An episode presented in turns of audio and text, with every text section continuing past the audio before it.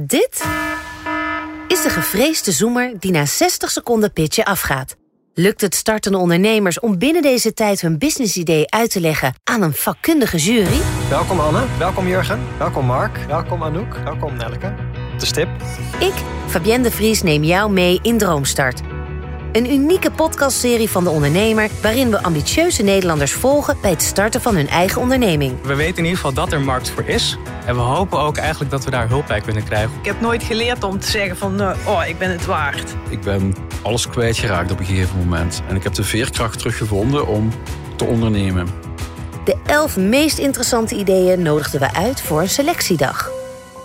Ben je er klaar voor om jouw pitch te gaan geven? Ik weet het niet of ik er klaar voor ben. Ik ben er klaar voor. Ik denk het wel. As ready as can be, ja. Heel veel succes. Ik ga de klok aanzetten.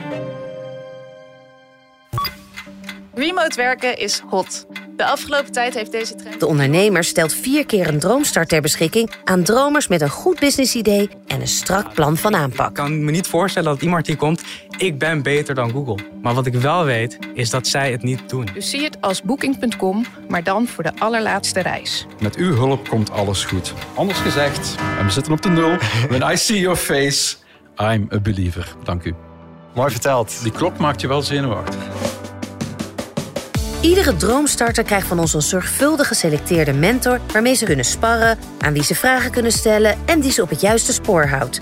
Ook zijn we erbij op die cruciale momenten die vorm geven aan hun bedrijf en brengen we ze in contact met de meest succesvolle ondernemers van Nederland. Jij bent erbij. Vanaf die eerste spannende pitch tot aan de meest cruciale momenten van hun weg naar succes. Volg Droomstart en mis niets van dit unieke kijkje achter de schermen.